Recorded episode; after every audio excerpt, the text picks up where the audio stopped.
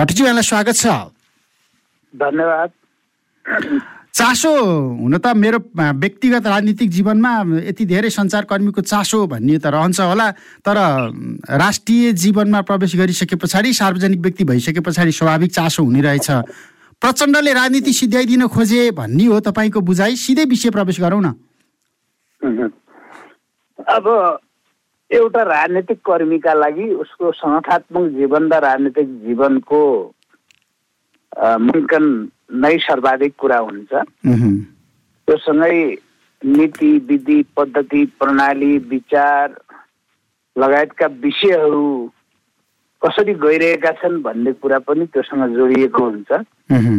त्यसैले अहिले जुन घटनाक्रमहरू थाई समितिको बैठकबाट भयो यसले मलाई तपाईँले भनेकै अनुभूति भएको छ।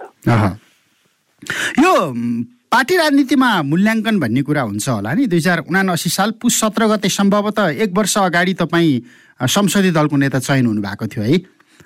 यो बिचमा त्यस्तो के अपराध गर्नुभयो र तपाईँलाई संसदीय दलको नेताबाटै हटाउनु पर्ने परिस्थिति आयो जस्तो लाग्छ? अब समीक्षा पनि त गरिराख्नु भयो होला नि। यो कुरा त थाई समितिले जुन परिपत्र जारी गर्यो त्यसमा नै तपाईँले प्रष्ट रूपमा के लेखिएको छ भने त्यो बेठिक भएको छ भन्ने कुरा लेखिएको छ। अब थाई समितिको बैठकले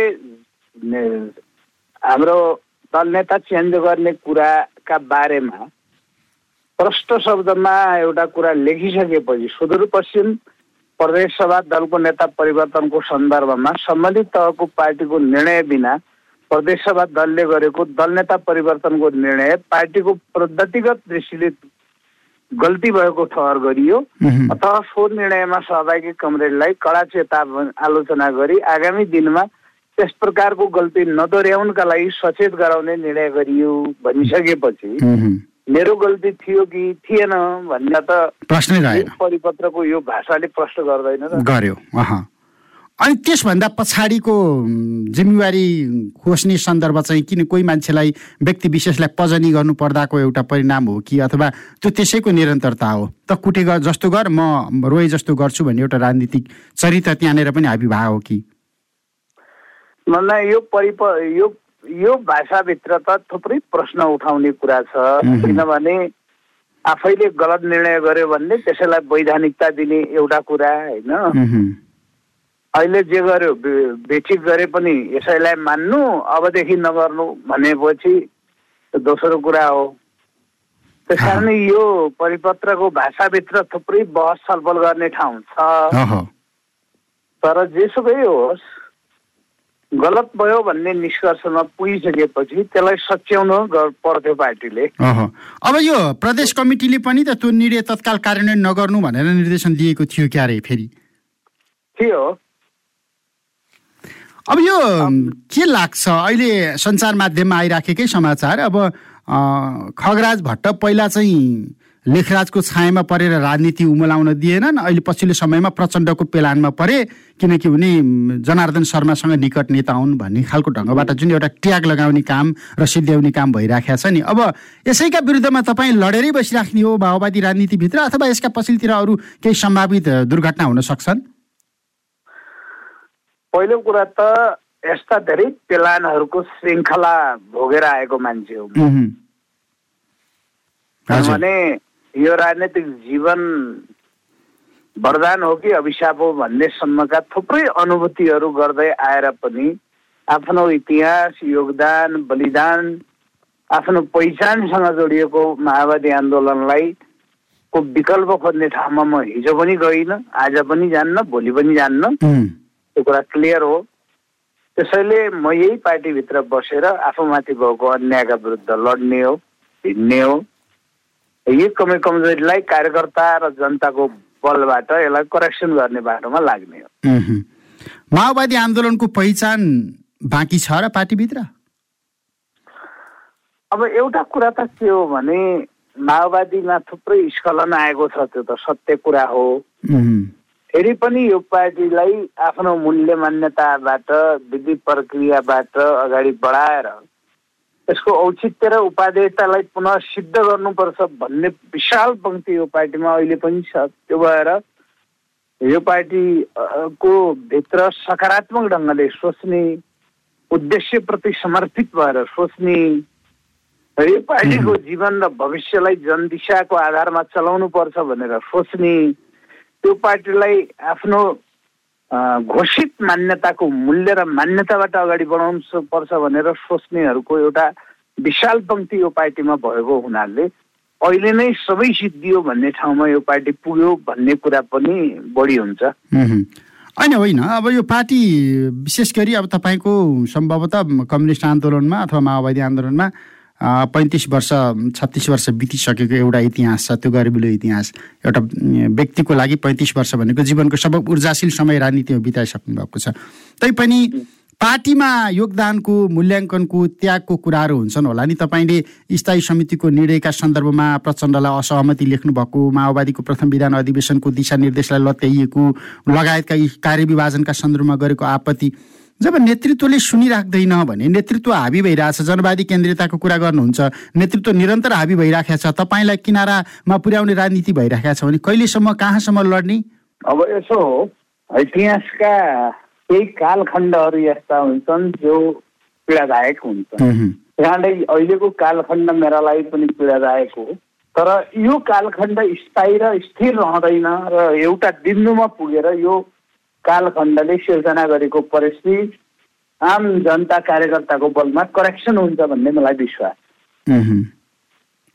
अब के हुन्छ त? सुदूरपश्चिमको इन्चार्जका सम्बन्धमा चाहिँ के पार्टीलाई उमो लाग्न नदिया भएर योगदान नगर्या भएर पार्टी ओह्रालो यात्रामा लाग्या भएर त्यसलाई तपाईँलाई तपाईँलाई चाहिँ त्यसको भागीदार बनाइएको हो कि? अथवा या कुनै पजनीका कुराहरू पनि जोडिएर आएका छन्? अब यसमा त क्लियर कुरा के हो भने अब जे भएको छ यो सुदूरपश्चिमका इमान्दार कार्यकर्ताहरूलाई पचेको छैन। उहाँहरू सबैले म यो निर्णयप्रति आपत्ति र असहमति दर्ज गराउनु भएको छ। त्यसैले म एक्लै भएको भए त्यो मेरो व्यक्तिगत विषय हुन्थ्यो। यो आम सुदूरपश्चिमका नेता कार्यकर्ताको चिन्ताको विषय सरकारको विषय बन्न पुग्या हुनाले हिजो म नोट डिसेन्ट राखेर आउँदासम्म म एक किसिमले भन्ने हो भने एक्लै लडाएँ अथवा त्यही थाई समितिकामा उपस्थित पदाधिकारी र थाई समितिका कतिपय कमरेडहरू पनि मेरो पक्षमा उभिनु भयो। अब यो निर्णय भइसकेपछि सुदूरपश्चिमका हजारौँ नेता कार्यकर्ता मेरो पक्षमा उभिनु भएको छ। यो बेठिक भयो भन्ने ठाउँमा पुग्नु भएको छ। त्यसैले ती कार्यकर्ताहरूको भावना ती हजारौँ कार्यकर्ताको भावना अब आन्दोलन यो निर्णय सच्याउनुको निमित्त एउटा केन्द्रीकृत तागत बन्ने कुरा मैले देखेको छु र आखिरमा कार्यकर्ताको शक्तिले नै गलतलाई सच्याउने ठाउँमा पुर्याउँछ भन्ने कुरा मलाई लागेको अब कुनै एउटा विशेष घटना सच्याएर कुनै पात्र आउनु जानु अथवा राखिनु भन्दा पनि प्रवृत्ति सुधारको कुरा चाहिँ महत्त्वपूर्ण हुन्छ होला नि राजनीतिमा। मैले त्यहीँनिर कुरा गरेको छु। खबराज बत्तले पाउने नपाउने जाने नजाने कुरा ठुलो होइन। मुख्य कुरा यो निर्णय यो निर्णय सच्याउने कुरामा पनि के हो भने अब त्यो पार्टीलाई सही ट्र्याकमा लैजाने कुरा त कुनै न कुनै बिन्दुबाट सुरु त होला फेरि। स्थान बिन्दु या जिरो पोइन्ट भन्छ। त्यो जिरो पोइन्ट त कहीँबाट सुरु हुन्छ। त्यसैले मैले के भन्छु भने यो घटना सचिलो भनेको पनि आगामी दिनमा यस्ता घटनाहरूलाई कार्यकर्ताले स्वीकार्दैनन् भन्ने मान्यता स्थापित हुने कुरा पनि हो र आगामी दिनमा त्यसरी जानु हुँदैन भन्ने कुरा स्थापित हुने कुरा पनि हो।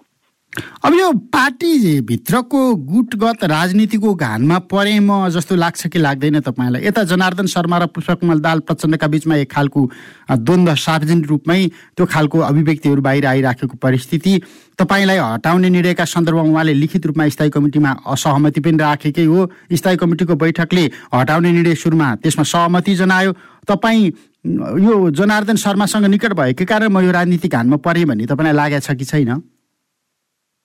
निकटताको कुरा गर्नुहुन्छ भने त ममाथि अन्याय भएको विषयमा उहाँले बोल्नु भएको छ त्यो उहाँलाई धन्यवाद छ। अरू विषयमा पनि उहाँले बोल्नु भएको छ। तर उहाँले बोलेको कारणले उहाँकै मान्छे हुने अर्काले कुनै सन्दर्भमा मेरो बारेमा बोलेको कारणले म उहाँकै हुने भन्ने कुरा त हुँदैन। मलाई चाहिँ अन्याय भएपछि उहाँले बोल्नुभयो। त्यसका लागि मैले भनिहालेँ उहाँलाई धन्यवाद छ। तर हामी त सबै प्रचण्डलाई नै नेता मानेर बसेको मान्छे हो नि। प्रचण्डको लागि नेता नमानेको भए त हामी यो पार्टीमै रहँदैन थियौँ हामी अन्तै जान्थ्यौँ होला। अथवा माओवादीको रूपान्तरण अझै पनि सम्भव छैन भन्ने लाग्या भए हामी अर्को विकल्पमा भने जान्थ्यौँ होला। त्यसैले कुरा के हो भने यो पार्टीमा प्रचण्डलाई नमान्ने कोही पनि छैन। अब पार्टीभित्र कतिपय नीतिका सन्दर्भमा विधिका सम्बन्धमा प्रणालीका सम्बन्धमा घटनाक्रमका सन्दर्भमा आफ्नो फरक मत राख्ने बित्तिकै त्यो मुख्य नेताका विरुद्धमै गयो भनेर सोच्ने कुरा पनि के हुन्छ भने त्यसो भए त मुख्य नेताबाट कमजोरी हुँदैन मुख्य नेताले गल्ती गर्दैन। मुख्य नेता भनेको को आदेश भनेको भगवानको आदेश जस्तो हुन्छ भनेर बुझ्ने हो भने त्यो मार्क्सवादी चेतना होइन। मुख्य नेतामा पनि कमी कमजोरी हुन्छन्। मुख्य नेताहरूलाई पनि घेराबन्दी हुन्छन्। मुख्य नेताहरूले पनि कहिलेकाहीँ विषयको गहिराइमा नपुगेर निर्णय गरिदिने समस्या हुन्छन् उहुँ, त्यस कारणले हामी पार्टीका सदस्यहरूले नेतृत्वले गरेका राम्रा कुरालाई स्थापित गर्दै लैजाने र नेतृत्वबाट भएका कमी कमजोरीका विषयमा पनि त्यसलाई करेक्सन गर्न प्रेरित गर्ने कुरा हो। त्यही हो त पार्टीको जीवन। पार्टीको जस्तो तपाईँलाई म एउटा कुरा भनौँ। केशरजङ राईमाझीले नेपाली कम्युनिस्ट आन्दोलनलाई दरबारीयकरण गर्दा महासचिव त महामन्त्री त उनै थिए महासचिव। अनि त्यो बेलामा इमान्दार कार्यकर्ताहरूले त्यति बेला विद्रोह नगरेको भए आज नेपाली कम्युनिस्ट आन्दोलन के हुन्थ्यो? यद्यपि मैले केशरचन्द्र राईमाझी लेभलकै यो घटना हो भनेर भने होइन कि एउटा उदाहरणको रूपमा दिनु खोजेँ। रायमाझी पथमा गयो कि भन्ने आशंका रह्यो? त्यो आशंका होइन। मैले सामान्य उदाहरणको रूपमा मात्रै दिनु खोजे। त्यो कुन प्रसङ्गमा दिनु खोजे हो भने नेताले मिस्टेक गरेको बेलामा अरूले सचेततापूर्वक त्यसलाई जोगाउन खोजेका कारणले कम्युनिस्ट आन्दोलनमा राईमाझी पद सफल हुन सकेन। त्यो अर्थमा भने हो मैले। प्रचण्डले त्यो गरे भन्ने अर्थमा भने होइन र त्यो मेरो आरोप पनि होइन। त्यो मेरो आशंका पनि होइन। अब यो पार्टीभित्र धेरै नेताहरूको जिम्मेवारीका सन्दर्भमा प्रश्न उठिराखेका छ। भूमिकाविहीन भएका छन्। केही नेता थुप्रै नेताहरू केही नेतालाई भ्याइ नभ्याइको अवस्था छ। जिम्मेवारी हेरफेरका सन्दर्भमा पनि पार्टी नेतृत्व हावी भएको छ। स्थानीय स्तरमा गरेको योगदान र उनीहरूको भूमिका र प्रभावकारितालाई हेरिएको छैन भन्ने एउटा थुप्रो असन्तुष्टि यो बिचमा संवादको क्रममा धेरै नेताहरूले व्यक्त गरिराखेका छन्। अब पार्टी शुद्धिकरणको कुरा पनि गर्ने अनि पार्टीमा भएका योगदान गरेका व्यक्तिहरूलाई किनाराकृत गरेर राजनीति गर्ने अनि यो प्रवृत्तिले चाहिँ पार्टी नेतृत्व कता गइराखेका छ जस्तो लाग्छ तपाईँहरूलाई? लड्न त लड्ने। अब हाम्रो पार्टी हाम्रो पार्टीमा गम्भीर समस्या भएकै कारणले यो पार्टी आज बत्तिस सिटे पार्टी बनेको छ। हाम्रो पार्टीमा समस्या आएकै कारणले ठुल्ठुला नेताहरूका आफ्नै वडामा पनि पार्टीले आफ्नो हैसियत गुमाउने अवस्था बनेको छ। हाम्रो पार्टीको स्थानीय तहको प्रदर्शन होस् सङ्घको प्रदर्शन होस् प्रदेशको प्रदर्शन होस् खसिँदै गएको छ। दस वर्ष युद्ध लडेका योद्धाहरूको जीवन आज जुन दर्दनाक छ त्यो परिस्थिति पनि त्योसँग जोडिएको छ। त्यसैले माओवादी पार्टीमा गम्भीर समस्या छ भन्ने कुरा त घटनाक्रमले प्रुभ गर्दै आएको छ। कारण यी समस्याहरूलाई समाधानको दिशामा लैजानका लागि अब हामीले गर्ने एउटा प्रक्रिया के हो भने जो मा हाम्रो विधान अधिवेशनले पनि स्वीकार गरेको छ अब ज कार्यकर्ताले चुनेको पार्टी नेता जनताले चुनेको राजनेता भन्ने मोडेलमा हाम्रो पार्टी अब प्रवेश गर्न गर्ने सङ्कल्प यो विधान अधिवेशनबाट लिएको छ। त्यसैले विधान अधिवेशनको स्पिड अब पार्टीमा लागू भयो भने नेताले माथिबाट संरक्षण गर्ने विधिको त अन्त हुन्छ। जो लोकप्रिय छ जो विश्वसनीयता छ जो कार्यकर्ता र जनताको मनोभाव अनुसार चल्छ ऊ सफल हुँदै जान्छ। जसले त्यो मार्गभन्दा फरक तरिकाबाट अब अगाडि बढ्नु खोज्छ त्यो व्यक्तिहरूको बाटो बन्द हुन्छ। यसले हरेक तहमा गरिखाने मान्छेहरूको कमिटीमा नेतृत्व आउने बाटो खुल्छ होइन? टिका लाउने प्रथा रहँदासम्म कार्यकर्ताहरू तल फर्किँदैनन् माथि फर्किन्छन्। कार्यकर्ताले चुन्ने विधि लागू भएपछि नेताहरू चाहिँ माथि होइन तलतिर फर्किन्छन्। किनभने माथि नेताहरूको वरिपरि घुमेर त तलकोले भोट दिन्न। तलको भोट पाउनलाई त उनीहरूकै दुःख सुखमा एकाकार भएर हिँड्नु पर्यो। त्यसैले विधानको यो विधि लागू गर्ने बित्तिकै पनि धेरै करप्सनको बाटो खुल्छ। अब यहाँ तपाईँलाई पहिलाको मङ्सिरमा भएको चुनावको पृष्ठभूमितिर जाने हो भने हुन त सुदूरपश्चिमबाट माओवादीको स्थायी कमिटीमा नेतृत्व गर्ने एक्लो नेता अहिले भूमिकाविहीन बनाइएको यत्रो लामो समय भएको छ त्यसका विरुद्धमा लडिराख्नु भएको छ। मुख्यमन्त्री बनाउला भोलिका दिनमा तपाईँ केन्द्रमा दावी नगर्नुहोस् तपाईँ शेरबहादुर देउबाका विरुद्धमा चुनाव लड्ने कुरा पनि नगर्नुहोस्।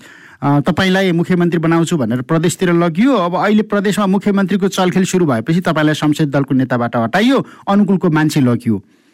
अब अनि यो नेताहरूको राजनीतिक चरित्र र प्रवृत्तिका कुरा गरेर पार्टीभित्र राजनीति कहिलेसम्म दिएर बस्नुहुन्छ भन्ने एउटा प्रश्न त छ होला नि तपाईँ आफैभित्र पनि त त्यो खालको प्रश्न दपेटिराख्या होला।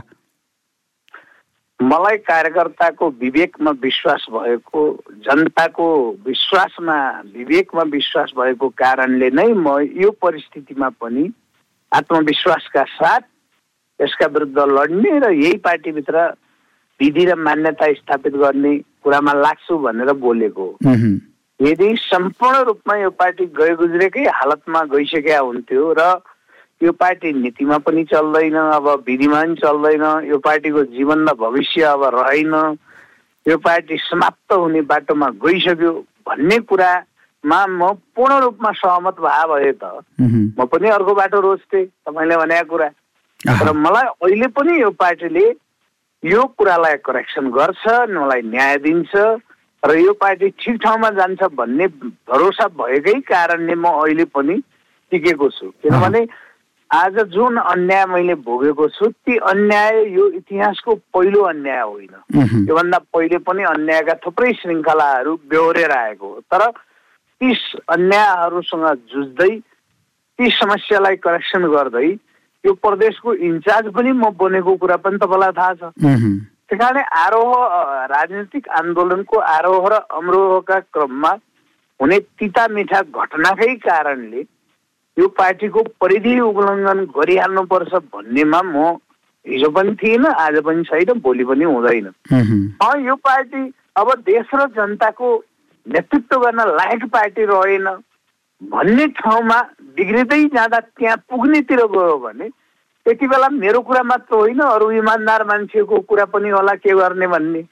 तर हामीलाई अहिले पनि के विश्वास छ भने जसरी विधान अधिवेशनको हलमा हजारौँ कार्यकर्ताहरूले यो पार्टीको समस्याप्रति र यसको समाधानप्रति जुन ज्ञान र विवेकका साथ आफ्ना दमदार प्रस्तुतिहरू प्रस्तुत गर्नुभएको छ त्यसले मलाई के लाग्छ भने अहिले पार्टी गम्भीर सङ्कटमा भए पनि यो पार्टीको रूपान्तरण अझै सम्भव छ। यो पार्टीको क्रान्तिकारीकरण अझै सम्भव छ। यो पार्टीलाई विधि र नेतामा चलाउन सकिने ठाउँ अहिले पनि छ भन्ने यो विधान अधिवेशनबाट आम कार्यकर्ताको भावना जसरी प्रकट भयो त्यहाँबाट हामी बढी नै आशावादी भएको छ। आशावादी त अब नारायण दाहालहरू अथवा तपाईँकै प्रदेशमा बिना महरहरू सह इन्चार्ज बन्दाखेरि राजनीतिक जीवनमा योभन्दा ठुलो राजनीतिक हत्याको श्रृङ्खला त अर्को के देखेला र पार्टीमा क्रान्तिका कुराहरू गर्ने अब? समयले त समयले त गिज्याइराखेको छ नि। यो विषय यो त अब ठुल्ठुला नेताका जीवनमा पनि घट्दै आएका घटनाहरूकै अनुभूतिको एउटा प्रसङ्ग मैले पनि भोगेको छु। अब यसमा के हो भने हामी अहिले विधान अधिवेशनको स्पिड अनुसार पार्टी चलाउनमा पुगिसकेका छैनौँ। विधान अधिवेशनले एउटा सन्देश दिए पनि त्यो सन्देशको भाव अनुसारको विधान बनिसकेको छैन। विधान नबनिसकेपछि त्यो विधानको स्पिड अनुसार पार्टीलाई फिल्डमा हिँडाउने प्रक्रिया पनि सुरु भएको छैन। त्यसैले अब हामी कता जाने हो भने विधान अधिवेशनमा अगाडि बढ्दै गएपछि जब तलबाट टोल भेला हुँदै वडा सम्मेलनको क्रमबाट जब कार्यकर्ताले भोटको माध्यमबाट या निर्विरोधको विधिबाट जब नेता कार्यकर्ताको टिम चयन गर्नेछन् त्यति बेला माथिबाट नेताहरूले यसलाई बनाऊ र यसलाई नबनाऊ भन्ने परिस्थिति रहने छैन भन्ने कुरा हो। मैले के हो भने बिनाजी या नारायण दाहालजी उहाँहरूको पनि योगदान यो पार्टीमा नभएको होइन। तर ती पनि या हामी पनि या अरू पनि जो पनि छौँ अब कार्यकर्ताले अनुमोदन गर्ने बाटोबाट चुनियो भने कसैलाई कसैको बुहारी भएको आरोप लाग्दैन कसैलाई कसैको भाइ भएको आरोप लाग्दैन कसैलाई कसैको दाई भएको आरोप लाग्दैन कसैले कसैको छोरी भएको आरोप लाग्दैन। अब यो टिके प्रथाको रूपमा पार्टी रहिरहने हो भने त्यसपछि त त्यसमा त प्रश्न उठिरहन्छ। प्रचण्डमाथि पनि उठिरहला अरू नेतामाथि पनि उठिरहला हामीमाथि पनि उठिरहला। अथवा तपाईँको त्यो पार्टी पङ्क्तिले त्यो त्यो ताल तहको जिम्मेवारी लिएर गएका नेताहरूको उपस्थितिलाई स्वीकार्छ कि स्वीकार्दैन भन्ने पनि त होला नि। तपाईँले नेतृत्व गरिराखेको प्रदेशमा बिना मगरको तहको मान्छेहरू गएर प्रशिक्षण दिन थाल्दा अथवा त्यसको नेतृत्व गर्दा निर्देशन दिँदै गर्दाखेरि त्यसको प्रभावकारिताको मूल्याङ्कन हुन्छ होला नि त? ओजको कुरा पनि आउँछ होला नि राजनीतिमा। मैले त्यो कुरा कार्यकर्ताको विवेकमा छोडेको छु। उहुँ, उहाँहरूले के गर्नुहुन्छ त्यो उहाँहरूले नै गर्नुहुन्छ। मलाई विश्वास छ ममाथि भएको अन्यायमा कार्यकर्ता बोल्नुहुन्छ।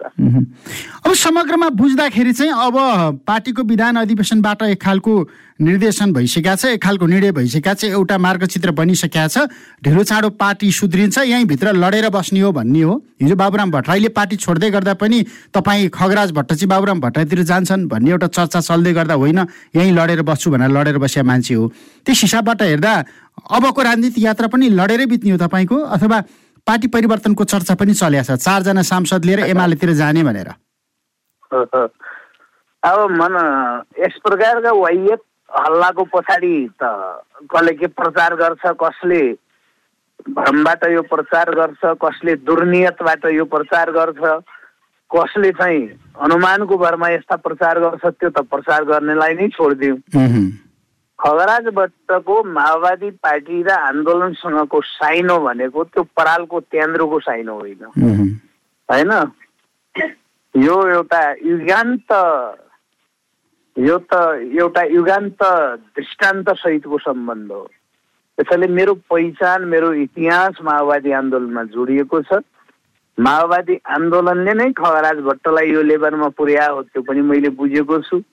मैले क्रियाशील भएको कारणले सुदूरपश्चिममा जनयुद्धको तेस्रो पिल्लर बनाउन हामी सफल भएको भएको कुरामा मेरो पनि महत्त्वपूर्ण योगदान रहेको कुरा पनि पार्टीले बुझ्नुपर्छ। त्यसैले हामी कुनै परिधि उल्लङ्घन गर्नेवाला छैनौँ। खगराज भट्टलाई कहिले कसै नेताको कहिले कता जान्छ कहिले कसो जान्छ भनेर भन्ने महाशयलाई म के भन्छु भने ती महाशयहरू कहाँ पुगेर आउनुभयो? आफू कसरी आउनुभयो? कोही माओवादीमा चाहिँ ठुलो भाग पाएन भनेर भाग्दै एमाले पुगेर त्यहाँ तरबार्न नपाएपछि फर्केका साथीहरू छन्। कोही काङ्ग्रेसमा तरबार्न नपाएपछि त्यताबाट फर्केर आएका मान्छे छन्। कोही वैद्य विप्लवको पछि दगुरेर फर्केका मान्छे छन्। कोही चाहिँ बाबुरामकै पछि गएका साथीहरू पनि छन्। त्यस कारणले गर्दाखेरि मैले यो पार्टीको परिधिभित्र रहँदासम्म सङ्घर्षमा आफ्नो मतलब तपाईँको अवधारणा अनुसारको सङ्घर्षमा सहभागी भए। जब परिधि उल्लङ्घन गर्ने या परिधिलाई क्रस गर्ने कुरा आयो त्यो परिधि क्रस गर्ने कुरामा मैले कहिले गरिनँ। त्यसो भएर म त बाबुरामजीको विचार राजनीतिमा जति बेलासम्म समर्थन थिए यो पार्टीमै रहेर हो। त्यो पनि हाम्रो पार्टीले हामीलाई अधिकार दिएको कुरा हो। बाबुरामको लाइनमा बस्ने वैद्यको लाइनमा बस्ने प्रचण्डको लाइनमा बस्ने अरू कसै नेताको लाइनमा बस्ने भन्ने कुरा त पालुङटारको बैठकबाटै भएको कुरा हो। जब पार्टीले नै कसको विचार मनपर्छ त्यता जोडिने स्वतन्त्रता दिएपछि त्यो त धोबी धोबीघाटमा। धोबीघाटमा आएर बगिगयो नि पालुङटारको कुरा त धोबीघाटमा आएर बगिहाल्यो नि सकियो। भने पालुङटारको कुरा धोबीघाटमा बग्यो त्यो कुरा पनि छ। तर हामीले के भन्यौँ भने यो पार्टीभित्र रहेर स्ट्रगल गर्ने सन्दर्भमा जसुकै नेताले उठाएका पनि जायज कुरालाई समर्थन गर्न हामीलाई आपत्ति छैन। यो पार्टीको परिधि नै नागेर अर्कै ठाउँमा पुग्ने नियतका साथ कसैले सङ्घर्ष गर्छ भने त्यो सङ्घर्षमा हाम्रो साथ सहयोग समर्थन हुँदैन। अब पार्टीमा लगभग अन्त्य अन्त्यमा छु। राजनीति निष्ठाका कुराहरू अथवा तपाईँले भनिराखेका यी तमाम कुराहरू अब राजनीतिक जीवनमा एउटा राजनीतिक निष्ठामा बाँचेको व्यक्तिहरूको लागि चाहिँ हुने रहेछ क्यारे। अब यता राजनीतिक निष्ठाको कुरा गर्ने हो भने केन्द्रीय राजनीतिक विकसित घटनाक्रम हेर्नुहोस् त एउटा पद कति महत्त्वपूर्ण हुन्छ भन्दाखेरि अब एउटा पद अथवा प्रधानमन्त्री पद अथवा राष्ट्रिय सभाको अध्यक्ष पद जोगाउनको लागि अब काङ्ग्रेससँगको सत्ता साझेदारी तोडेर फेरि बालकोटमा गएर अर्को सहमति गरेर म प्रधानमन्त्री नै बन्छु भनेर तपाईँको पार्टी अध्यक्ष लागिराख्नु भएको छ। एउटा पदको लागि राजनीतिक निष्ठाको कुरा रहेन यहाँ नैतिकताको कुरा रहेन यहाँ। भन्दाखेरि तपाईँले त्यो पार्टीभित्र त्यही पार्टीको त्यही नेताको मातहतमा बसेर निष्ठा र नैतिकताको राजनीति कहिलेसम्म गरेर अगाडि बढाउन सक्नुहुन्छ? भोलि यही पार्टी लगेर बिलाइ एमालेमै विलय गराउन सक्ने घटनाक्रम पनि बढेर गएको छ। पहिलो कुरा त पार्टीले कस्तो दिशा तय गर्ने र कस्तो बाटोतिर लम्किने भन्ने कुरा पार्टीले बहस छलफल गरेर एउटा निचोडमा पुग्ने कुरा हो। किनभने अहिले छलफल जुन दिशामा गएको भए पनि अन्त्यत पार्टीका स्थायी समिति तपाईँको पदाधिकारी हुँदै केन्द्रीय समितिसम्मको बहस छलफलबाट यो विषय अनुमोदन हुने कुरातिर जाला। त्यसो हुँदा अहिले नेताको मात्रै छलफलको विषय भोलि पार्टीको विषय बनेर पार्टीले पनि त्यसलाई नै अनुमोदन गर्यो भने त्यसपछि त कुनै नेताले मात्रै चाहेर त्यो भएको भन्ने जस्टिफाई हुँदैन। या त नेताले गरेको कुरा व्यक्तिगत गलत त्यो पार्टीलाई लाग्छ भने त्यो कुरा गलत भनेर हामीले निर्णय गर्नु पर्यो। अब नेताले गरेको कुरामा सिङ्गो पार्टी कन्भिन्स भयो भने त्यो नेताको विशेषको मात्रै रहँदैन सिङ्गो पार्टी सही रहन्छ। पहिलो कुरा मेरो यो हो। दोस्रो कुरा के हो भने अहिले नेपाली काङ्ग्रेससँगको सम्बन्धमा जुन अवस्था देखिएको छ यसका लागि राष्ट्रिय सभाको अध्यक्षको पद या प्रधानमन्त्रीको पद मात्रै निर्णायक भएको होइन। यो किन होइन भने पहिलो कुरा त हामीले संविधानको रक्षा शान्ति प्रक्रियालाई निष्कर्षमा पुर्याउने कुरा र अन्य समृद्धि सुशासनका निमित्त भनेर वाम लोकतान्त्रिक गठबन्धन गठन गरेपछि हामी अगाडि बढ्यौँ। अब पहिलो कुरा त जब हामी वाम लोकतान्त्रिक गठबन्धनमा गयौँ हामीले इमान्दारीपूर्वक नेपाली काङ्ग्रेसको चुनाव चिन्ह रूपमा मत हाल्यौँ। तर काङ्ग्रेसको तर्फबाट त्यो इमान्दारिता प्रदर्शन भएन। पहिलो कुरा यहाँनिरबाट अविश्वास शङ्का पैदा भएको। दोस्रो कुरा प्रतिनिधि सभाको निर्वाचनपछि सङ्घीय संसदको निर्वाचनपछि तब प्रचण्डलाई पहिलो लटमा प्रधानमन्त्री बनाउने भन्ने सहमतिबाट काङ्ग्रेस बिच्किएपछि काङ्ग्रेसले त्यो समझदारीलाई लत्याएपछि नै नयाँ गठबन्धन बनाउने परिस्थिति बनेको हो। नत्र काङ्ग्रेसले सुरुमै प्रचण्डलाई प्रधानमन्त्री बनाउने कुरामा इमान्दारिता प्रकट गर्थ्यो भने कुरा हो। तपाईँलाई थाहा छ जस्तो म भनौँ जब सुशील कोइरालाले एमाले र काङ्ग्रेसको बिचमा एउटा सहमति भयो संविधान जारी गर्दासम्म सुशील प्रधानमन्त्री त्यसपछि ओली प्रधानमन्त्री भन्ने सहमति भयो। एकदम संक्षेपमा संक्षेपमा एकदमै संक्षेपमा हजुर। हजुर। पछि काङ्ग्रेस त्यहाँबाट ब्याक भयो। अनि हामीले काङ्ग्रेस ब्याक हुन्न भनेर ओलीलाई समर्थन गर्यो। अनि पछि प्रचण्डलाई समर्थन गर्ने मान्यताबाट ओली विचलित भएपछि फेरि हामी नयाँ ठाउँमा गयौँ। अनि प्रचण्डले देउबासँग गरे सहमतिलाई निश्चित अवधिमा इमान्दारीपूर्वक कार्यान्वयन गरेपछि आफूले राजीनामा दिएर देउबालाई बाटो खोल्नु हो।